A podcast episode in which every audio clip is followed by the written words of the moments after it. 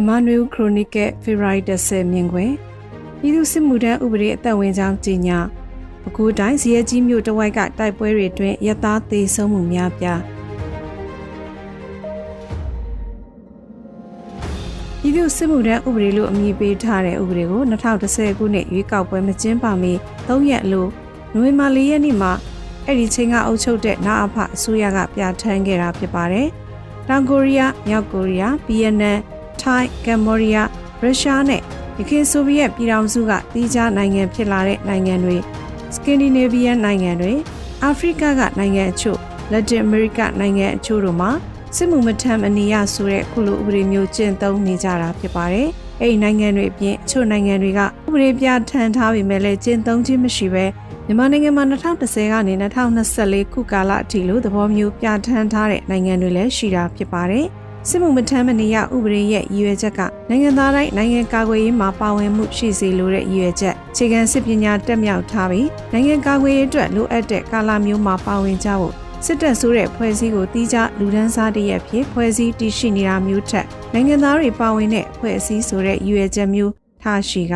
ဖွဲ့စည်းကြတာလို့နားလည်ကြပါတယ်မြန်မာနိုင်ငံလိုပြည်ရင်းစစ်မီတောက်လောင်နေတဲ့နိုင်ငံမှာလွန်ခဲ့တဲ့73နှစ်ကျော်ကာလကပြဋ္ဌာန်းထားတဲ့ဥပဒေတစ်ခုကို ပြည်ရင်းစစ်အရှိန်မြင့်လာချိန်မှာစတင်သက်ဝင်ကြောင်းကြေညာလိုက်ခြင်းဟာနိုင်ငံကာကွယ်ရေးဆိုတဲ့ရည်ရွယ်ချက်ထက်နိုင်ငံတွင်းကလူထုကြားစိတ်ဝမ်းကွဲပြားမှုဖြစ်စေဖို့ခြေအနေရှုပ်ထွေးစေဖို့ရည်ရွယ်ပြီးအသက်ဝင်ကြောင်းပြဋ္ဌာန်းလိုက်တာလို့ကောက်ချက်ချရမှာဖြစ်ပါတယ်။နိုင်ငံကိုကာကွယ်ရမယ့်စစ်တပ်ကပြည်တွင်းမှာဖြစ်ပွားနေတဲ့နိုင်ငံရေးပြဿနာကိုနိုင်ငံရေးနည်းလမ်းနဲ့အပြေရှားဖို့ဆန္ဒမရှိဘဲရဲတပ်ဖွဲ့အပါအဝင်လက်နက်ကိုင်တပ်ဖွဲ့တွေနဲ့အာဏာသိမ်းဆန္ဒပြမှုတွေကိုအကြမ်းဖက်နှိမ်နင်းပြီးအုပ်ချုပ်တဲ့ အာဏာသိမ်းစစ်အစိုးရတရက်ရဲ့သုံးချခံအဖြစ်ထမ်းဆောင်နေချိန်ဆယ်စုနှစ်များစွာအတွင်းနိုင်ငံတွင်းပြည်သူလူထုနဲ့လူမျိုးစုတိုင်းရင်းသားတွေနဲ့စစ်တပ်တို့မုံတရားအမြင့်ဆုံးရောက်ရှိနေချိန်မျိုးမှာစစ်မှုမထမ်းမနေရဥပဒေကိုအသက်ဝင်စေခြင်းဟာကောင်းမွန်တဲ့ဆန္ဒရည်ရွယ်ချက်မရှိတာသိကြတယ်လို့ပြောရမှာဖြစ်ပါတယ်။စစ်ကောင်စီအနေနဲ့နိုင်ငံတွင်းကမြို့တွေခြေရွာတွေနယ်မြေတွေတစားတစ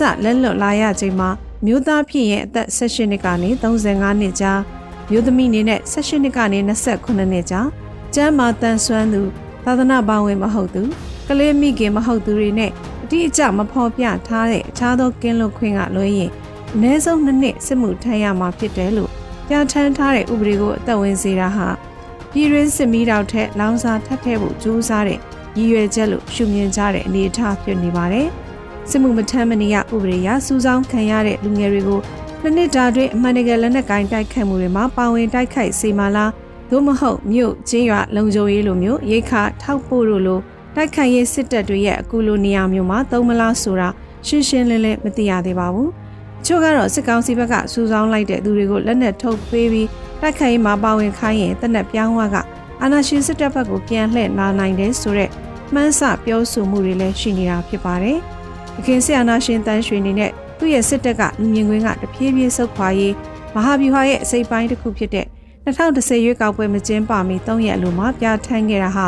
တန်းရွှေနေနဲ့လိုအပ်တဲ့ဥပဒေမှန်သမျှမကြန့်ရှိရအောင်ပြဋ္ဌာန်းခဲ့တယ်လို့ကောက်ချက်ချနိုင်ပြီးဒီဟာကိုနောက်ဆုံးလက်နက်အဖြစ်ထုတ်သုံးသူမင်းအောင်လိုင်းကတော့လူများမြန်မာတန်းရွှေထက်အစအများစွာဆိုရွာသူရက်ဆက်မှုတွေအတွက်တာဝန်ရှိသူနိုင်ငံရေးစီးရေးအရာတွေမှာအောက်တန်းကျတဲ့လုပ်ရက်တွေလှုပ်ဆောင်ခဲ့သူဖြစ် ရေးထိုးခံရမယ့်အခြေအနေလည်းဖြစ်ပါတယ်။ကုစတင်သက်ဝင်မဲ့စစ်မှုမထမ်းမနေရဥတွေဟာကျင်းရွာတွေငွေကြေးမတက်နိုင်တဲ့လက်လုံလက်စားမြို့နေလူထုတွေအဖို့စစ်မှုထမ်းရမယ့်စင်ခေါ်မှုကိုရှောင်လွှဲဖို့လက်ငွေလည်းမပေးနိုင်နိုင်ငံသားကိုခိတ္တတင်းရှောင်နေထိုင်ရလာအောင်လဲငွေကြေးမရှိတဲ့သူတွေကရှေ့ဆုံးကရင်ဆိုင်ကြရမယ့်အနေအထားရှိတယ်လို့လူငယ်လူရွယ်အများပြားကငကိုကလေးကအိန္ဒိချင်းထိုင်းမလေးရှားအစရှိတဲ့နိုင်ငံတွေမှာရွှေပြောင်းလုံသားဖြစ်နေကြတာမို့ ဒီပြည်ပရောက်နေသူတွေကိုစိတ်ခေါ်ထမ်းဆောင်စေမလားစတာတွေကလည်းဘယ်လိုဖြစ်ရှင်းလှုပ်ဆောင်ကြမလဲဆိုတာမှန်းဆမရသေးတဲ့အနေအထားလည်းဖြစ်ပါတယ်။ဒီနေ့ဖို့နောက်ထပ်အကြောင်းအရာတစ်ခုကတော့